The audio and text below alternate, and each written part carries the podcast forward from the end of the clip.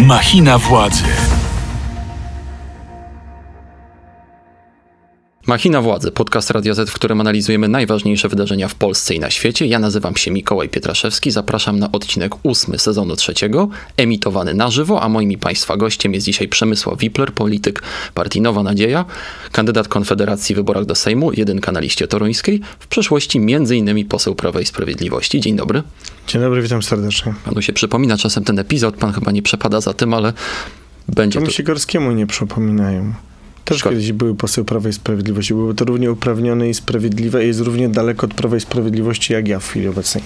No jak tu Radosław Sikorski się pojawi, no to w takim razie będzie jakaś przyczyna. Ale nie ma takiej wspomnieć. nieprzyjemnej maniery, więc dlatego przeciw temu protestuję. To jest po prostu nie fair, to jest moim zdaniem jakaś próba manipulacji na wejściu i próba u- ustawiania mnie w jakiejś tam scenie między dwoma segmentami, co jest absolutnie nieuprawnione. Mówi pan o dwóch segmentach, to może od tego rzeczywiście zacznijmy, bo e, pan jest jednym z tych e, polityków Konfederacji, którzy jasno i wprost deklarują, że nie będzie koalicji, ewentualnej koalicji po wyborach z żadną z największych formacji. Rozumiem, że pod... Wszyscy, wszyscy liderzy Konfederacji y, to deklarują. To jest uzgodnione stanowisko. Nie ma co do tego żadnych wątpliwości, bo my nie chcemy Jarosława Kaczyńskiego rządzącego Polską, ale nie chcemy też rządzącego Polską Donalda Tuska. My chcemy zmiany linii podziału w polskiej polityce, takiej jak się, ta, która dokonała się 18 lat temu, kiedy zmianę z podziału na partie postkomunistyczne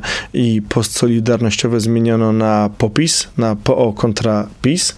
I moim zdaniem po tych 18 latach i moich kolegów również nadszedł czas, by zmienić kolejny raz linię podziału. My jesteśmy za tym, żeby ta linia podziału polegała na tym, że jest formacja, która reprezentuje tych Polaków, którzy pracują na całą resztę, którzy utrzymują całą resztę, którzy pracują teraz w sektorze prywatnym i tych, którzy ich zatrudniają, są ich, ich pracodawcami i razem z nimi tworzą polskie PKB, e, kontra te partie, którym chcą zabrać im pieniądze i dać wszystkim tym pozostałym, którzy pracują albo w sferze budżetowej, albo już nie pracują, a chcą żyć z pieniędzy tych, którzy Czyli obecnej Konfederacja pracują. przeciw wszystkim, bo domyślam się, że w taki sposób chcielibyście ustawić linię podziału.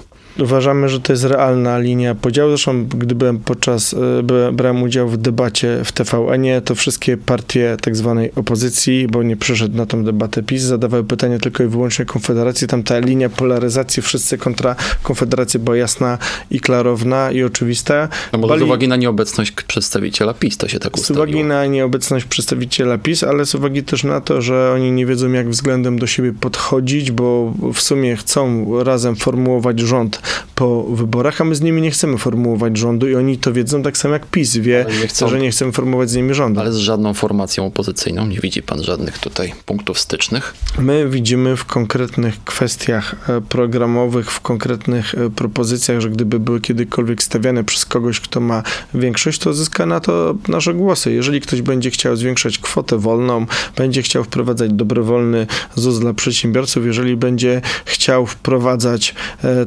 rozwiązania jak powiązanie na przykład e, kwoty wolnej od odpodatkowania z pensją minimalną, e, to są rozwiązania, za którymi zawsze zagłosujemy. My tym się różnimy od innych formacji, że my mamy jasną linię ideową. W Prawie i Sprawiedliwości kiedyś mi jeden z ważnych polityków wytłumaczył, że program to prezes, prezes to program. Jeżeli prezes zmieni zdanie, to zmienił się program. Jeżeli prezes zrobi z kimś konferencję prasową, że jest tak i tak, to do czasu, gdy nie będzie nowej konferencji prasowej, to został właśnie ogłoszony e, program w ramach starej zasady e, e, Roma locuta causa finita. Rzym się wypowiedział, temat zamknięty. Ale to dotyczyło prymatu jest- papieskiego w kościele katolickim, a w przypadku PiSu to jest, jest taka kwestia. A, a niech pan sobie wyobrazi, że wychodzi Janusz Korwin-Mikke na konferencję i mówi z uwagi na trudną sytuację finansów publicznych ze względów taktycznych jesteśmy za podniesieniem e, podatku PIT i składek na ubezpieczenie społeczne. Czy pan sobie to wyobraża? Nikt sobie nie wyobraża. Szczerze, wyobrażam sobie, bo y, Janusz Korwin-Mikke mówił już różne rzeczy, które się teoretycznie po nim nie spodziewano i Na czasami... przykład? Na przykład mówił o homoseksualistach, o aborcji, o Żydach, Nie, to, kobietach. to wszystkie kontrowersyjne rzeczy, które przyciągają atencję. To tego się spodziewano po nim. Są możliwe, ale są rzeczy naprawdę ważne, w których on nie może przekroczyć yy, tej, tej linii. Były, ale to były rzeczy, no, kt- które można powiedzieć były nazywane bardzo często w naszym środowisku odpaleniem protokołu 1%. To były No kwestie... kończyło się wtedy nie, pod progiem zwykle. nie, nie dla tych rzeczy my zebraliśmy się razem jako ekipa. My jako ekipa się zebraliśmy razem po to, żeby mieć państwo, które jest ograniczone, skromne, którego kompetencje są jasne, klarowne, których tych kompetencji nie może nadużywać, które zostawia pieniądze w kieszeniach swoich obywateli, które ma nam dać ochronę życia, ochronę wolności, ochronę własności, czyli sprawne sądy, sprawna armia, sprawna, dobrze funkcjonująca e, policja i podstawowa infrastruktura, dzięki której możemy prowadzić działalność gospodarczą i pewne prawo, bo bez pewnego prawa nie ma biznesu, nie ma poważnego biznesu. Bardzo wiele biznesów w Polsce, które Polacy mogliby uruchamiać, bo są zdolni, pracowici, nie ma, ponieważ nie działa w Polsce wymiar sprawiedliwości i nikt nie chciałby prowadzić firmy w określonym rozmachu i zakresie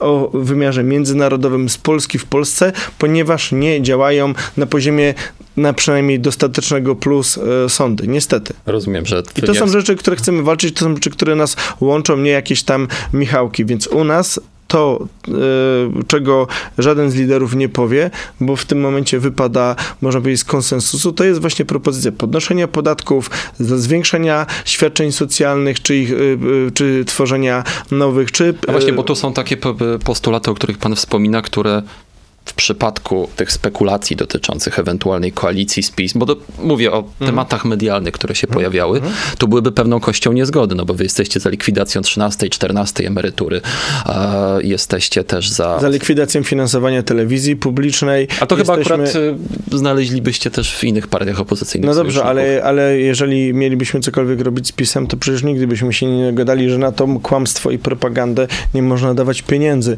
Na tą, na tą instytucję publiczną, która jest tyle ma publicznego w sobie, co dom publiczny, w takim sensie, że przez od kilku lat w ogóle udają, że my nie istniejemy. Nawet o nas w przeciwieństwie do Platformy źle nie mówią, tylko udają po prostu, że coś takiego jak Konfederacja nie istnieją, ponieważ boją się, że pęknie tama i jeżeli do tych wyborców, którzy e, czerpią wiedzę o świecie, a są tacy ludzie, e, głównie z, z telewizji publicznej, dotrze nas przekaz, no to będą tracić wyborców. Ale niekoniecznie, znaczy może cze- część na rzecz Konfederacji, a też na część innych partii opozycyjnych. Oczywiście, że tak, ale to musiałoby być minimum uczciwości przy, w tej e, instytucji przywrócone, którego to minimum nie spełnia e, w ramach żadnych kryteriów. Ale PiS podgryza was też z innej strony, bo na przykład y, Robert Bąkiewicz, który startuje z ostatniego miejsca list y, PiS w Radomiu, czy to jest jakiś taki element, który mógłby odciągnąć wyborców Konfederacji, tych bardziej narodowo usposobionych. Ja wiem, że on jest skonfliktowany e, częściowo Nieważne, to jest narodowym. człowiek, który po prostu dla e, lu, lu, ludzi z naszego środowiska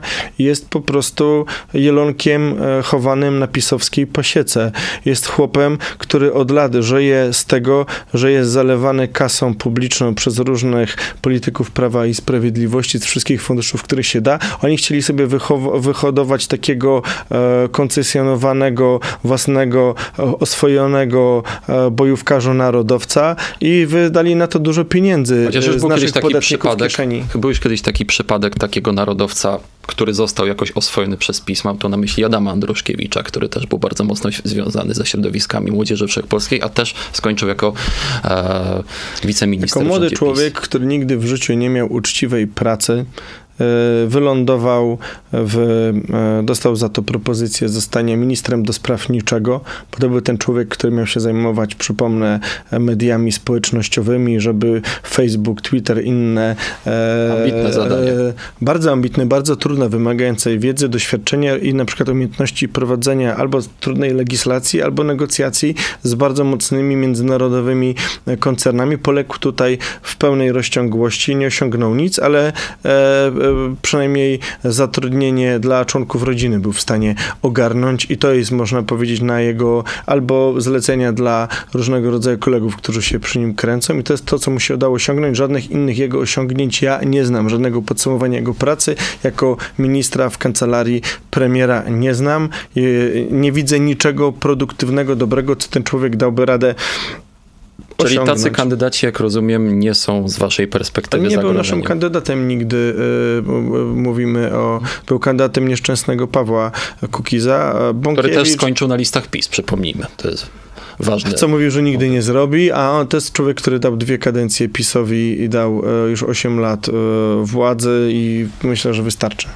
A proszę mi powiedzieć, czy jak już jesteśmy przy kandydatach e, do Sejmu, czy będzie wyśniona druga część, druga odsłona debaty Ryszard Petru, Sławomir Mencen? Tu sobie próbuje wyśnić to Ryszard Petru, ale on się zachowuje jak e, ta żaba, która podkłada łapę, gdy konia e, kują. E, może Czyli taki bardzo ezopowy Nie, vibe, no- jak to mówi młodzież. Mam, no, z takiej szkoły wyrosłem, od, od, od, do takich, można powiedzieć, porównań się odnoszę. Mamy na ostatnim miejscu listy w Warszawie Jacka Bartyzala, niech ostatni na liście, z ostatnim na liście trzeciej drogi sobie podebatują. Jacek Bartyzel powiedział, że on bardzo chętnie podebatuje z Ryszardem Petru, notabene... e, To chyba niekoniecznie o gospodarce, no bo to są dwa... Dlaczego nie o gospodarce? Dlaczego nie o gospodarce? E, niech sobie debatują o czym chcą, e, Nie jest to tak, że Sławomir Mencen ucieka po prostu przed tym drugim starciem? ale a, a jak ja bym dzisiaj wyzwał Donalda Tuska i e, on ze mną nie pójdzie na debatę, albo Jarosława Kaczyńskiego, to pan ich zapyta, czy uciekają przede mną przed debatą. Jest Ale, jasne, ale, mógłby pan, ale sobie- mógłby pan tak powiedzieć, mógłby pan to ale, tak ale przedstawić to byłoby równie absurdalne, jak Ryszard Petru jest, zachowuje się jak ten o, osiołek ze Szreka. Ja, ja, mnie weźcie i tak dalej. To jest ta sytuacja. To jest e, człowiek, który, można powiedzieć, swoje pięć minut e, e, w polskiej policji miał. Zostało po nim całkiem dobry dorobek, bo hasło Święto Sześciu Króli i parę innych memów tego polityka wybitnie memicznego po nim zostało. I on teraz bardzo, bardzo chciałby wrócić, dostać nowe otwarcie. Moim zdaniem, ja to mówiłem już publicznie, było błędem w ogóle, że Sławomir Mencen miał z nim jakąkolwiek rozmowę, no bo wziął człowieka, który był w sumie poza polityką, porozmawiał z nimi o gospodarce, a w, w takiej sytuacji nawet remis, to jest tak jakby Legia Warszawa zremisowała z Gryfem Wejherowo, co się zdarzyło i było Proszę, e, tutaj szacunek dla Gryfu wielkim zdarzeniem. Ja mam wielki szacunek dla Gryfu Wejherowa, ale nikt się nie spodziewał, że będzie remis między Gryfem e, Wejherowo i sam remis No ja jest wielkim powie- historycznym zwycięstwem Gryfu Wejherowa w takiej sytuacji, No, bo różnica potencjału na wejście jest gigantyczna. Ciągnąc tę metaforę, no to pojawiły się jednak doniesienia, że to jednak Gryf wygrał tę, e, to starcie, a nie Legia, więc... Ale to jest kwestia w tym momencie właśnie na, na, poziomie, w przeciwieństwie do piłki nożnej, tutaj nie ma momentu, w którym ktoś jasno, obiektywnie stwierdzi, czy była bramka, e, czy piłka była w bramce, więc tutaj jest kwestia, sam fakt zaskoczenia, że Rysiek się nie zbłaźnił,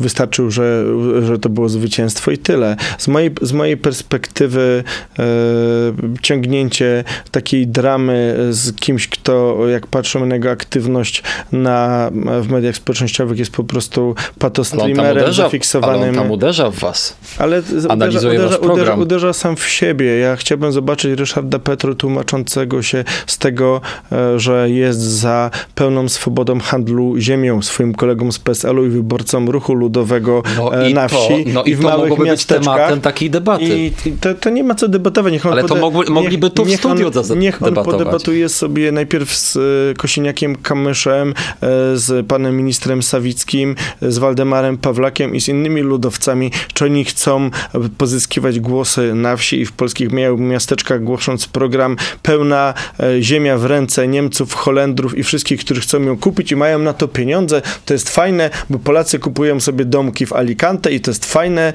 więc teraz byłoby fajnie, jakby setki tysięcy hektarów ziemi kupili w Polsce duże koncerny holenderskie, e, duńskie, e, niemieckie, powinien być nieskrępowany obrót ziemią. On sam dostanie tymi swoimi filmikami, bo w polityce trzeba patrzeć dwa kroki do przodu. Myślę, że ci ludzie, którzy mają taką wielką wyobraźnię polityczną jak e, Szymon Hołownia, nie wpadli na to, że ich wyborcy na wsi będą bardzo niezadowoleni, gdy zobaczą Ryszarda Petru, który jest za swobodnym handlem ziemią po pierwsze, a po drugie podtrzymuje pewnie, jak kiedyś y, popierał w korespondencji ze Stowarzyszeniem Otwarte Klatki, zakaz e, chodu zwierząt futerkowych e, w Polsce. E, ten zakaz, którego ogłosze, ogłoszenie na wsi było jednym z powodów wielkiego kryzysu e, właśnie poparcia dla Prawa i Sprawiedliwości w regionach wiejskich, to jest element programu Ryszarda Petru. Ale widzi pan, to Wielkopie- mogłyby być świetne wątki do takiej debaty, którą na przykład my moglibyśmy zorganizować. Widzi Ale, pan, no szkoda, ale, wielka ale, ale szkoda. można powiedzieć, Wielka naprawdę e, to jest tak, że Donald Tusk, te, te,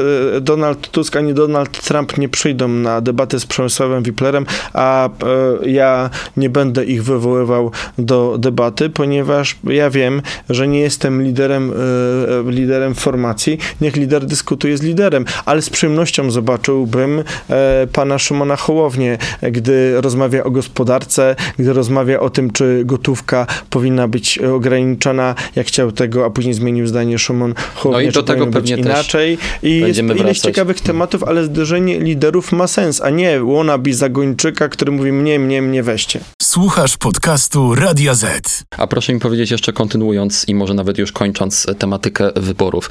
No dobrze, no to skoro nie poprzecie, w sensie nie wejdziecie w koalicję z PiS, nie wejdziecie w koalicję z KO, nie wiem, czy będziecie chcieli się zdecydować na wariant szwedzki, czyli coś w rodzaju podżyrowania poparcia dla rządu mniejszościowego, tak jak to jest w przypadku rządu Ulfa Kristersona i szwedzkich demokratów. Czy pan się spodziewa kolejnych wyborów w perspektywie kilku miesięcy? Spodziewamy się Czy nawet wręcz dążycie do tego? Spodziewamy się wcześniejszych wyborów. E, Uważamy, że jest to wielce prawdopodobne, ale nie ma co spekulować, jak będzie do 15 października. Będziemy wiedzieli, jaka jest matematyka, bo indyk e, myślał o niedzieli, a w sobotę mu łeb ucięli, więc nie ma co w tym momencie spekulować, e, co kto będzie chciał, jak nie zobaczymy matematyki. Matematyka, czyli kto ile ma miejsc w parlamencie i komu Polacy zaufali. My wierzymy, że będziemy mieć bardzo mocną reprezentację, taką jakiej polscy wolnościowcy nigdy nie mieli. Mimo, że spada wam ostatnio w sondażach. To jest zauważony E, trend z tak, ostatnich e, spadło nam, dni, e, spadło nam w sondażu, e, e, w którym spadło nam i to dosyć mocno, ale w tym samym sondażu z niego wynikało, że frekwencja w Polsce będzie 82 czy 84%, co na tym moglibyśmy o wiarygodności takiego sondażu Choć to e, na pewno skończyć. ucieszyłoby nas, miłośników demokracji. Tak, e, powiem, e, był, mnie by w sumie zdziwiło, bo dla mnie gonienie ludzi e, p- e, patykiem i biczem, e, którzy nie mają pojęcia o sprawach publicznych, się z nimi najzwyczajniej w świecie nie interesują, nie mają o nich pojęcia, żeby poszli i zagłosowali, to pytanie jest takie, co tym ludziom trzeba dać na za cukierka, albo jaką trzeba, e, albo jako, jaką pałką trzeba ich pogonić, żeby oni poszli na wybory, kiedy oni mają kompletnie wszystko gdzieś. Może trzeba doprowadzić takich- do sytuacji, żeby nie mieli gdzieś. To byłoby edukować. piękne, e, tylko że e, raczej mechanizm, który sprawia, jak ktoś komuś obieca, że jak się stawi w okienku o godzinie 15, to dostanie 1000 złotych wyjętych z mojej kieszeni. I jeżeli to ma go ma zmotywować do pójścia na wybory, to ja Polsce i Polakom nie życzę tak drogiego projektu edukacyjnego, a jeżeli ktoś mówi i ma taki pomysł, żeby zaktywizować tych ludzi, którzy mają wszystko gdzieś, zabierając tym ludziom, którzy pracują, produkują pieniądze, żeby dać tej całej reszcie, to moim zdaniem jest to mega nieetyczne i katastroficzne w, długi, w długim okresie, nawet w średnim okresie dla narodu, który w taki sposób sobie chce robić eksperyment polityczny. To No na pewno a- jesteśmy przeciwni. Ale co z tymi wyborami? Jakby były kolejne. To będziemy w nich startować i będziemy mieć dużo lepszy wynik, ponieważ bardzo Czyli dużo... o to chodzi. Znaczy liczycie, że będzie tyle, Znaczy- potem tyle. My wiemy, że mocno różnimy się od reszty klasy politycznej, od całego popisu ich przystawek i w sytuacji, w której my będziemy po wyborach, to Polacy zobaczą klub parlamentarny, który jest zrobio- złożony z ludzi dużo młodszych niż pozostałe kluby parlamentarne, w olbrzymiej mierze z przedsiębiorców, prawników, ludzi, którzy mają doświadczenie w realnej gospodarce, Ale żeby w realnym rządzić, życiu. to musielibyście mieć tak z 35%, na to się nie zanosi.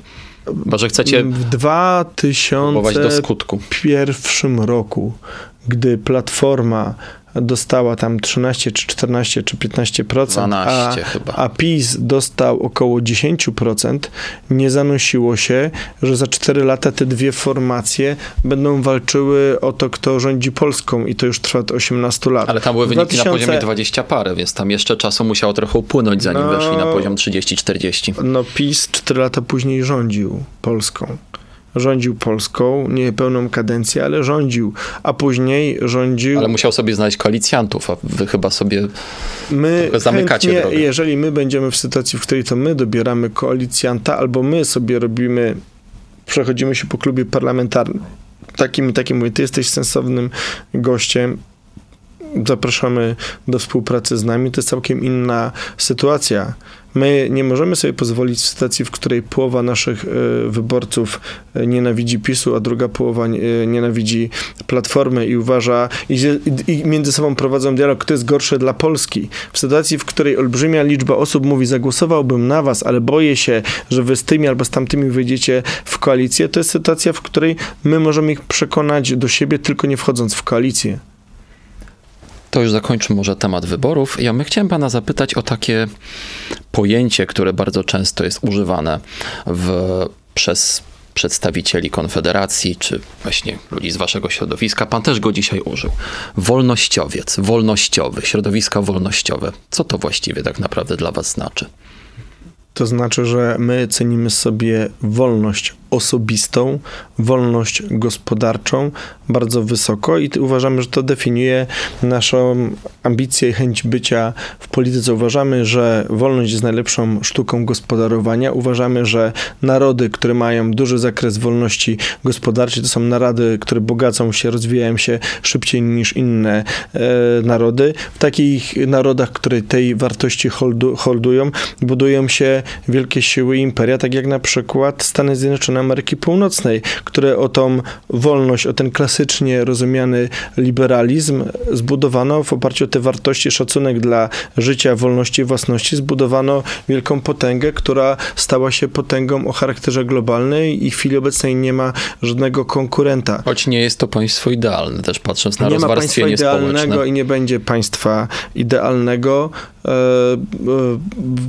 e, powiem tak, e, to mówienie o rozwarstwieniu społecznym w Stanach to jest tak jak przypominanie... Ale to jest realny problem, biorąc Jest- pod uwagę, jest jaka tam jest realne. sytuacja z ubezpieczeniami zdrowotnymi. Ale to rozwarstwienie, rozwarstwienie i bieda wynika co do zasady nie z braku pomocy społecznej czy rozwiązań dotyczących na przykład kwestii zdrowotnych, ale wynika z kwestii kulturowych przede wszystkim. Z kapitału kulturowego, z tego, że mamy całe getta i całe dzielnice miast, w których ludzie żyją dziedzicznie z socjalu i można powiedzieć, e, jest matka, która bierze socjal i żyje tylko z socjalu i jej dzieci nie znają innego życia i również w taki sposób funkcjonują. I to zawsze można powiedzieć, że ten, gdyby ten socjal był większy, byłoby inaczej. U nas tego na szczęście nie ma, nigdy nie mieliśmy w sobie tyle bogactwa, żeby e, budować w taki sposób systemowy Ale wie pan tego też, że opowieści patologie. o tym, że gdyby na przykład ci ludzie wcześniej wstawali i więcej harowali, to może mieliby więcej pieniędzy, też nie do końca licując Są to rzeczywistością. absolutnie prawdziwe. Gdyby jeszcze oszczędzali, gdyby się uczyli, gdyby była tam kultura uczenia się, najlepszą rzecz, którą może zrobić rodzic względem dzieci, to jest nauczyć ich uczenia się i przekazać im e, ambicje i chęć zmieniania świata. To są rzeczy dla mnie No tak, ale oczywiste czasami, i jeżeli to nie- jako nie robią- dzieci. No tak, ale jeżeli czasem tego nie robią rodzice, to potrzebne są chyba, tak mi się wydaje, dobre instytucje społeczne, bo jeżeli na przykład takie dziecko rodziców Instytucje nie ma, społeczne to jest dobry termin, ale instytucje społeczne, a instytucje państwowe to jest całkiem co innego. Jeżeli chodzi o system edukacji, na przykład moje dzieci chodzą do szkoły prowadzonej przez Stowarzyszenie Rodziców, w której rodzice są współwłaścicielami szkoły, razem budujemy swoją społeczność. raczej razem bym sobie nie wyobrażał, że pan otoczenie. po- pośle do szkoły publicznej, bo to by trochę nie licowało z pana poglądami. A czy licowałoby? Moje najstarsze dzieci chodzą do liceum Batorego, chodzą do dobrej szkoły e, publicznej, e, bo na poziomie szkół średnich są dobre szkoły e, publiczne. Na poziomie szkół podstawowych również to się zdarza. Są bardzo zamożne gminy, które bardzo dobrze dbają o swoje szkoły, ale to nie jest reguła, to nie jest standard. My chcemy, żeby rodzice mieli prawo wyboru. Właśnie ta kwestia wolnościowc- bycia wolnościowcem, o którą pan pytał, to jest kwestia tego, że chciałbym mieć wolność wyboru tego, jakie wartości w szkole są przekazywane moim dzieciom, jak wygląda, jak jest ukształtowany system e, wychowawczy, edukacyjny, dydaktyczny, e, jaka, e, no, były awantury na przykład o to, jakie są treści w, w podręcznikach. Jestem za tym, żeby no, mówi, historia... pan o, y, mówi pan o przedmiocie historia i teraźniejszość. Dokładnie tak. Hit. Dokładnie tak. E, jeżeli komuś e, podoba się ta narracja, chciałby, no historia to nie jest nauka ścisła. Są różnego rodzaju poglądy e, na to, jak wyglądały pewne procesy historyczne na świecie, jak, skąd się wzięły pewne fenomeny. To jest nauka, która z swojej natury powinna być wolna. To nie jest jak fizyka, to nie jest jak matematyka, które też są czasami rozbieżności, ale one nie są tak radykalne jak w naukach społecznych. To... I z tego powodu ja chciałbym chodzić, żeby moje dzieci chodziły do szkoły, w której e, uczy się e, ich i przy, czy przekazuje im się wartości, w które ja sam wierzę, które ja wyznaję, bo gdybym uważał, że to są złe wartości, to bym je zmienił. Ale wolność osobista, czy wolność ekonomiczna. W każdym wymiarze. Wolność nie, osobista coś, również. Coś jest ważniejsze tutaj. Więc to pytanie, jest, jaka jest nie, gradacja? Nie, nie. Wolność ekonomiczna ma sens tylko dlatego, że ona generuje własność. A bez własności nie ma realnej własności. Człowiek, który nie ma nic swojego, jest na łasce innych e, w wymiarze ekonomicznym, nie ma możliwości wytworzenia kapitału. Mój dom, moje mieszkanie, moja własność sprawia, że mam poziom pewien niezależności. Jak ktoś nie ma oszczędności, to jest w swojej pracy, nawet gdy ona go głęboko nie satysfakcjonuje, nie jest w stanie jej zmienić na inną, ponieważ nie ma e, możliwości jakiegoś tam czasu czekania, znajdzie tą inną wymarzoną pracę. Jak nie masz własności, to jesteś zawsze na łasce innych. Drobna, e, no, drobne niepowiedzenie, drobna choroba sprawia, że, że albo w modelu solidarystycznym możesz liczyć na rodzinę, bliskich, innych, że ci podadzą rękę, pomogą, co jest dobre, co jest super, e, a jeżeli jesteś indywidualistą, który nie ma relacji z innymi, nie dba o te relacje, nie buduje ich, a naszym zdaniem model wolnościowy to jest taki, w który zdrowe, naturalne więzi społeczne się kształtują, takiego społeczeństwa chcemy. Takiego społeczeństwa, w którym ludzie dobrowolnie pomagają innym, dobrowolnie wspierają, czy e, uchodźców, czy e, ludzi ubogich, czy dzieci z biednych biednych rodzin, które są zdolne, e, mają potencjał, ale właśnie e, nie mają w domu kogoś, kto podaje im ale leki. Takiego społeczeństwa chcemy. Ale wy naprawdę uważacie, że instytucje publiczne, państwowe są tak niewydolne, że trzeba jak najbardziej odciążyć je z takich a, obowiązków pomagania, wspierania instytucjonalnego? Tak, bo my jesteśmy za odpolityzowaniem życia społecznego i życia obywatelskiego. Nie, ale ja mówię Szkołę... też o sytuacjach typu państwowe szpitale, właśnie państwowe ale, ale szkoły. Ale o tym mówimy. Właśnie to powiedziałem, odpolityzowanie życia gospodarczego i społecznego polega na tym, że nie politycy, ale wolne, niezależne instytucje prowadzą czy szpitale, czy szkoły.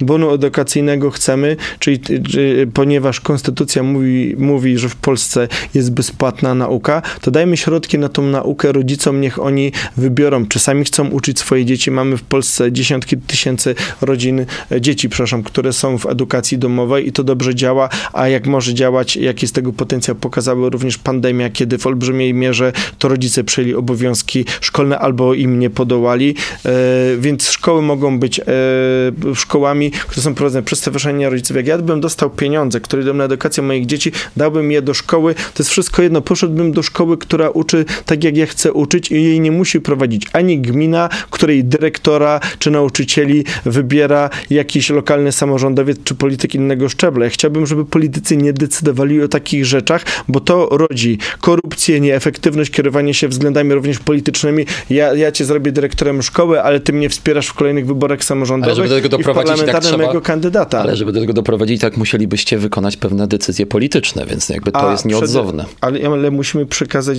przekonać przede wszystkim jak największą liczbę Polaków do naszej wizji. Szpitale, szpitale, znowuż w Polsce na poziomie podstawowym ma być zagwarantowana e, opieka zdrowotna, e, Tak, okej, okay, ale ona może być prowadzona e, z naszą składką ubezpieczeniową, która jest od nas pobierana. Mogą zarządzać y, prywatne kasy chorych w alternatywie do NFZ-u. Mogą te same usługi kontraktować taniej, efektywniej i za te same nasze pieniądze ze składki zagwarantować nam realny, szerszy koszyk świadczeń zdrowotnych, y, większy niż w chwili obecnej y, daje nam państwo, bo państwo nam coś daje, ale niczego nam nie gwarantuje. Jak ja ubezpieczam samochód, to ja doskonale wiem, ile, na jakich zasadach ja dostanę odszkodowania, gdy coś się zdarzy. Gdy płacę w Polsce składkę zdrowotną, nikt mi nie gwarantuje niczego, że, e, bo nie mogę pójść, halo, ja miałem mieć w 9 miesięcy, czy w 6 miesięcy, czy w 3 miesiące określony zabieg, a zabieg ratowania życia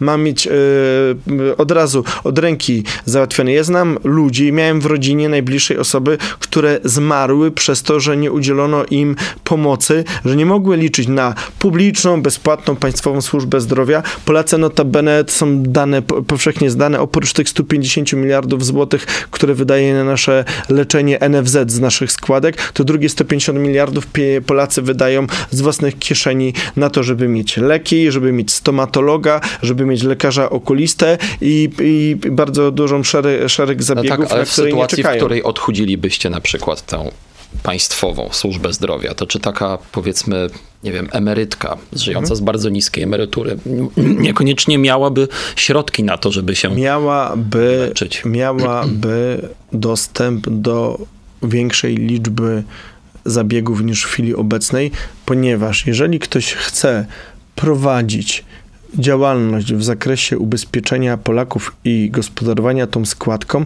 to musi każdemu, każdemu bez wyjątku, młodemu, staremu, zdrowemu, choremu, schorowanemu, nieschorowanemu zapewnić ten minimalny koszyk świadczeń, który powinien być zdefiniowany. W Polsce jest zdefiniowany sposób kulawy. Wie pan, ile jest procedur e, technologii medycznych zdefiniowanych w, ko e, w koszyku w Holandii? 250 tysięcy różnego rodzaju technologii medycznych. Sto kilkadziesiąt tysięcy jest w pełni refundowanych przez państwo, za resztę jest współodpłatność albo odpłatność. W Polsce w chwili obecnej mamy koszyk zbudowany e, z dużym trudem za czasu, gdy ministrem zdrowia była pani minister Ewa Kopacz. Ma około 50 tysięcy technologii medycznych. To znaczy, że one są bardzo nieprecyzyjne i z tego powodu można powiedzieć, dostajemy, że ktoś ci mówi, to jakbyś miał wycenę, wycenę można powiedzieć, budowy dachu, tylko nie wiadomo, czy z dachówki, blachodachówki, czy z czegoś innego, tak? To na tym poziomie niepre, nieprecyzyjności wy, wycenienie tych procedur, powiedzenie, jeżeli ty chcesz brać składkę, zarabiać na tym, to musisz każdemu, kto się do ciebie zgłosi, opłacić i zapewnić określone usługi medyczne, które są w tym koszyku podstawowym i powinniśmy go doprecyzować łącznie z odpowiedzialnością takich podmiotów odszkodowawczą za to, że Polakowi, e, Polsce nie dadzą określonych świadczeń zdrowotnych. Tak działa cywilizowany świat. Analizowaliśmy, jak to wygląda w Singapurze, analizowaliśmy, jak to wygląda w Izraelu, jak to działa również w krajach skandynawskich, w Niemczech w, zeszłym, w przyszłym tygodniu 12, 12 E, września będziemy w samym centrum Wszechświata na ulicy Chłodnej mieć konferencję e, Dobry Rząd, e, co i jak zrobić w Polsce po wyborach, gdzie bardzo wybitni znawcy tej,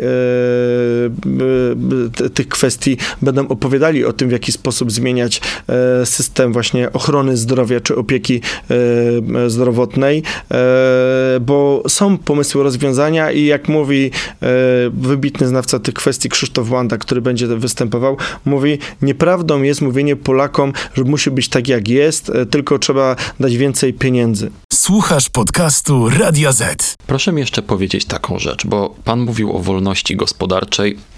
Czasem mam takie wrażenie, że pewnego rodzaju fetyszem jest właśnie tam kwestia ekonomiczna związana z e, wypowiedziami polityków Konfederacji. Bardzo często jakby odnosicie się do tego, że jeżeli wolność, to wolność ekonomiczna. A co na przykład właśnie z wolnością osobistą, rozumianą na przykład jako wolność światopoglądowa, wolność do stylu życia?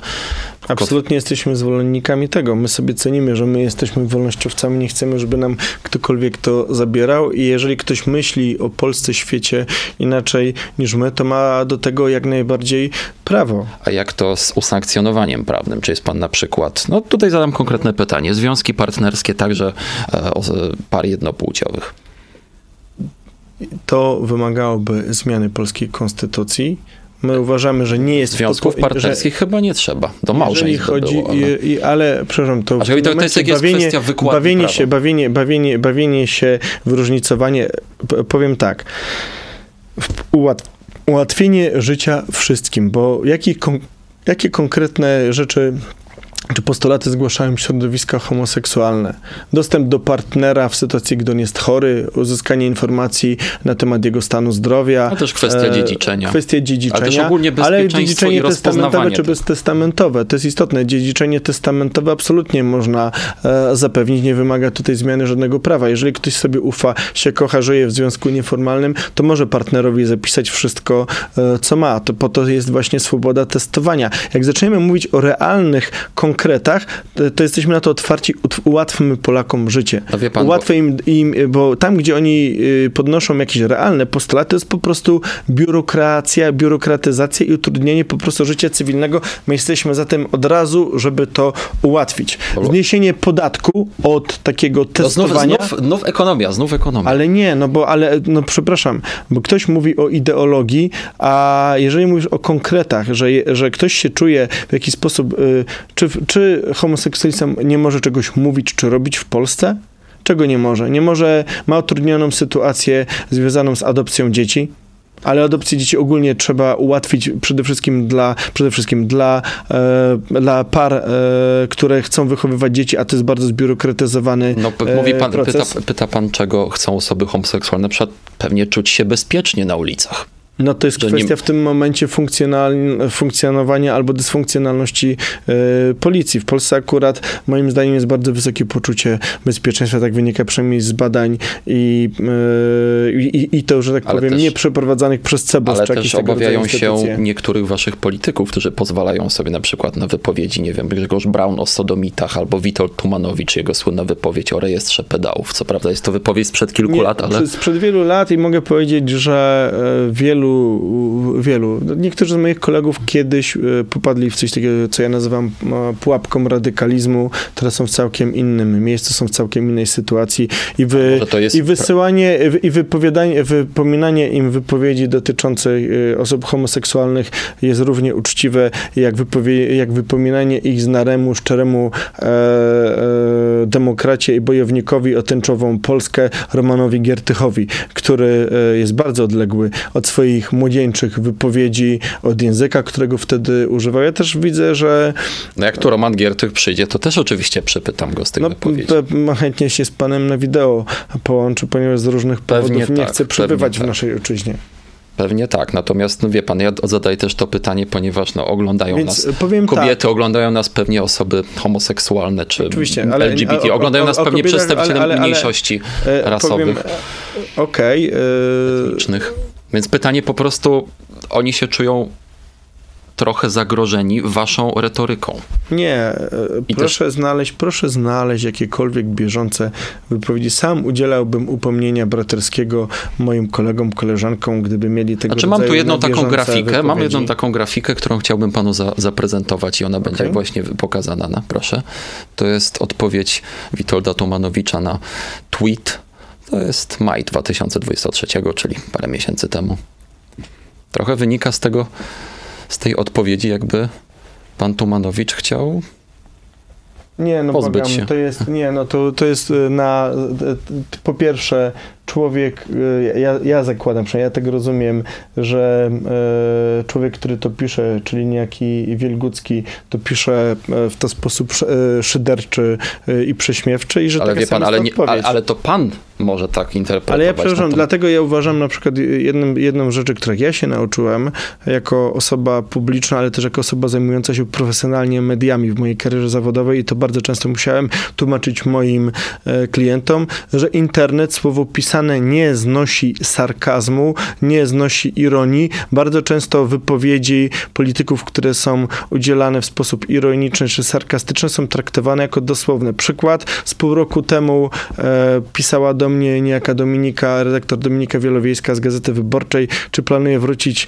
do polityki. Jej odpisałem, że nie mam absolutnie predyspozycji intelektualnych e, do zajmowania się polityką. Jeżeli ktoś chce mi łapać za słowo i ja jestem słynny z różnych rzeczy, ale przede wszystkim z absolutnego braku pokory, skromności i e, mam, można powiedzieć, jak to powiedziała jedna posłanka, umiem coś tam, coś tam i mam przeświadczenie akurat co do e, jakichś e, swoich walorów intelektualnych. Jeżeli ktoś później... Jak Ryszard, ocenić teraz jako nie, nie, nie, nie, nie, nie, nie mówię, ale muszę powiedzieć, tak, to, to wspomniany Ryszard Petru mówi, czemu pan znów zmienił zdanie? Tak mówię, no panie, jak pan nie czujesz, e, że ktoś autoironicznie sobie ten, ale okej, okay, nie spodziewałem się, poważnie mówiąc, że w jakiejś tam korespondencji, że później przeczytam to w tekście i że... I ale że... wie pan, to są takie Michałki, a sytuacja, w której mówi, o której mówimy, czyli jakiś taki wątek, który można by zinterpretować jako antysemicki. On nie musi być, być przez każdego zinterpretowany jako sarkazm. Ktoś może to wziąć naprawdę mam, dosłownie. Mam przyjaciół Żydów, współpracuję, współpracowałem również komercyjnie z firmami z Izraela. E, mam kolegów, e, którzy są Żydami e, i można powiedzieć, nigdy w życiu nie zrobiłem niczego, co mogłoby się tak kwalifikować. My, jako wolnościowcy, uważamy, że kogokolwiek dyskryminowanie z powodów na rasę, wyznanie, poglądy jest no, absurdalne, tak? I tyle. No, jeżeli popatrzymy sobie z drugiej, z, drugiej strony, nie możemy przymykać oczu na pewne e, fenomeny socjologiczne i, i, i znowuż sytuacja, w której e, nie jesteśmy zwolennikami tego na przykład, żeby w Polsce e, była masowa, niekontrolowana imigracja ludzi z krajów islamskich, którzy nie znają języka polskiego, nie rozumieją polskiej kultury, którzy mieliby nagle w mniejszym bądź większym tempie zacząć budować getta e, etniczne, E, wyłączone spod normalnego funkcjonowania i rozdzierające polskie społeczeństwo w którymkolwiek z polskich miast. To jest kwestia zdrowego rozsądku, a nie żadnych tam e, innych parametrów. A czy klaps dla dziecka to jest dla pana kwestia wolności osobistej? E, to jest kwestia... pan również jako ojca, to jest kwestia, pan wspomniał o tym wątku. Wie pan, przecież. no ja... Yy, pan wie, do czyjej wypowiedzi się tak, tutaj odnoszę? Tak, myślę, że chodzi o Donalda Tuska, który u Wojewódzkiego przyznał, że bił swojego syna. E, oglądałem to e, bodajże wczoraj czy przedwczoraj ten program, w którym obaj byli rok, z tego odpytywani. Donald Tusk jest kilkadziesiąt lat starszy od Sławomira e, Mencena, więc mógł dać świadectwo, że on jako ojciec e, dopuszczał tego rodzaju praktyki i każdy rodzic, jestem ojcem piątki dzieci. Tak, zdarzały się sytuacje, w których był potrzebny klaps, na przykład gdy jedno dziecko próbuje krzywdzić drugie dziecko. Każdy rodzic, który ma większą liczbę dzieci, widzi, jak one się na siebie rzucą. Czasami trzeba rozdzielać, trzeba interweniować. Ale uważa pan, Są tego że, ale uważa sytuacje. pan, że trzeba interweniować w sposób, w którym narzuca integralność cielesną? E, wie pan, e, nie wiem, ma pan dzieci? Nie. Jeszcze to nie. No, powiem tak, bycie rodzicem czasem jest bardzo trudnym wyzwaniem. Borykam się z różnymi e, kwestiami.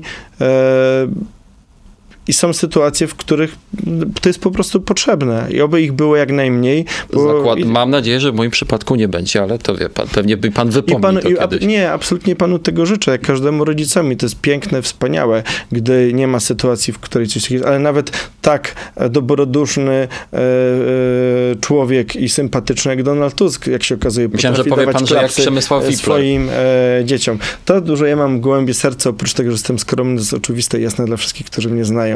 Oprócz Adama Bylana, który mnie nazywa rzeźnika z Now- rzeźnikiem z Nowogrodzkiej, ale on jest w tej opinii absolutnie odosobniony. Wspaniale, że pan wspominał o Adamie Bylanie, bo tego będzie dotyczyło moje ostatnie pytanie, ale muszę jeszcze dopytać o kwestię wolności osobistej w kontekście na przykład przerywania ciąży. Ponieważ... To nie jest kwestia wolności osobistej, to jest ale kwestia dlaczego tym szacunku dla życia. Ale dlaczego o tym wspominam? Ponieważ posłowie Konfederacji również podpisali się pod tym słynnym wnioskiem do Trybunału Konstytucyjnego, który wydał orzeczenie w roku 2020 i to jest właśnie do pana pytanie. To Mhm. jest pytanie wystety, czy uważa pan, że ograniczenie, e, czy jakby konserwatyzacja prawa aborcyjnego jest pewną kwestią zamachu na wolność osobistą? Na wolność kobiety i wolność o decydowaniu o swoim Ale ciele. to nie jest kwestia decydowania o swoim ciele, tylko jest też kwestia decydowania o drugim człowieku, którym jest to dziecko. I pan reprezentuje to stanowisko.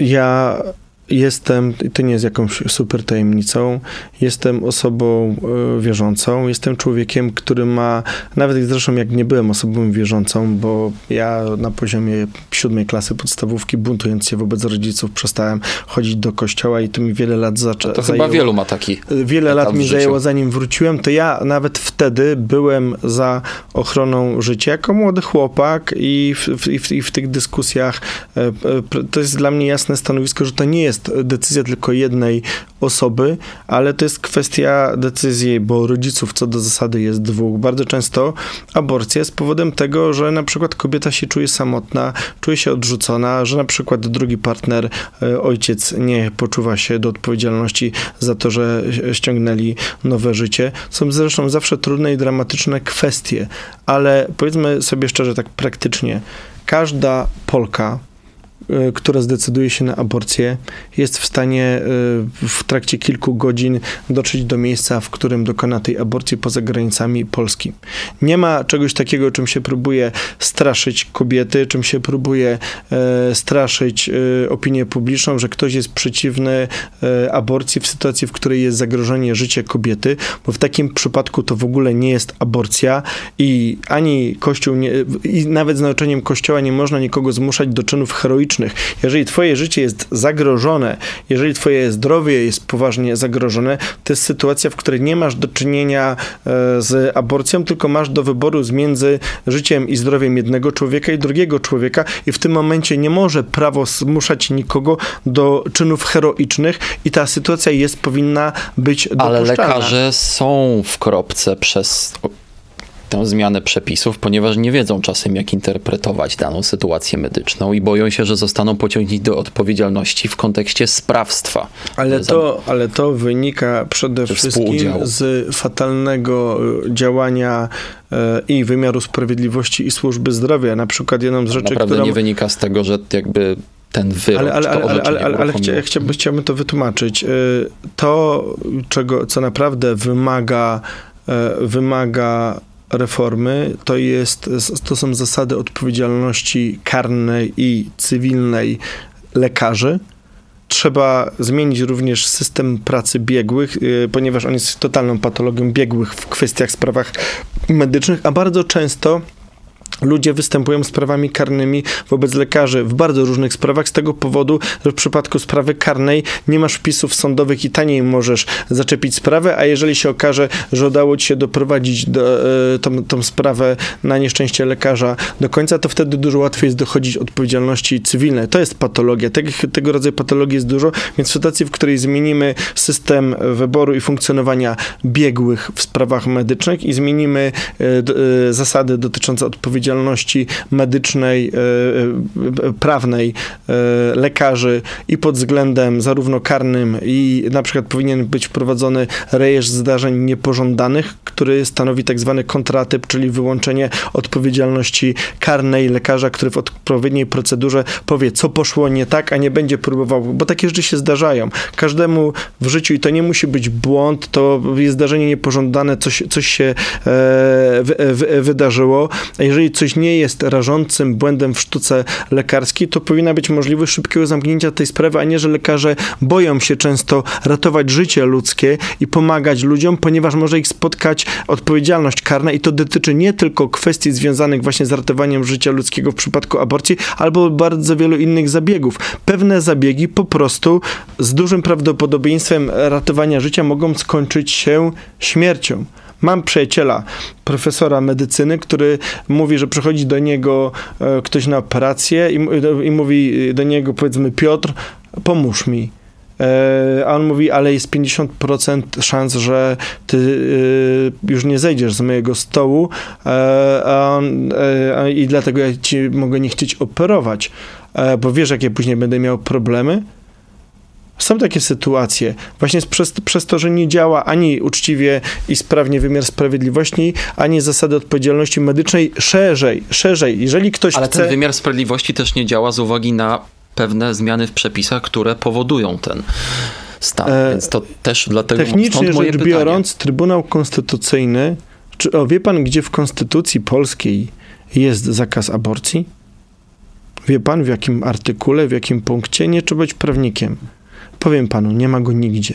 W polskiej konstytucji nie ma zapisanego czegoś takiego pod tytułem życie ludzkie jest chronione od naturalnej śmierci, od naturalnego poczęcia do naturalnej śmierci albo od porodu do śmierci. Nie ma czegoś takiego. Wie pan skąd się to wzięło?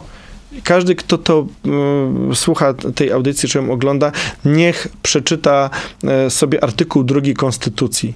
Polska jest demokratycznym państwem prawnym urzeczywistniającym zasady sprawiedliwości społecznej. Z tego Trybunał Konstytucyjny, kierowany przez związanego z obecną opozycją intelektualnie pana profesora Cola, wywiódł e, e, zasady ochrony życia poczętego. To było pierwsze orzeczenie to był Trybunału 97 Konstytucyjnego. Rok, na który zresztą orzeczenie... często powołują się krytycy obecnego stanu prawnego. I, I drugie, ale to jest y, dla ludzi, którzy są zwolennikami aborcji, e, tego rodzaju praktyk medycznych, to oni mówią, ale w konstytucji tego wprost nie ma. I można powiedzieć, tak, był to e, element aktywizmu prawniczego, aktywizmu tak zwanego, bo tak się ten fenomen nazywa, sędziów Trybunału Konstytucyjnego i tak samo może być traktowany ostatni wyrok Trybunału Konstytucyjnego, doprecyzowujący de facto ten pierwszy. Ale żeby to zmienić, każdy z Państwa, który, jeżeli ktoś Wam obiecuje w chwili obecnej, na przykład Donald Tusk, że jak wygra wybory, to to zmieni, Prawda jest taka, nie zmieni tego bez zmiany konstytucji. Każdy prawnik to wie.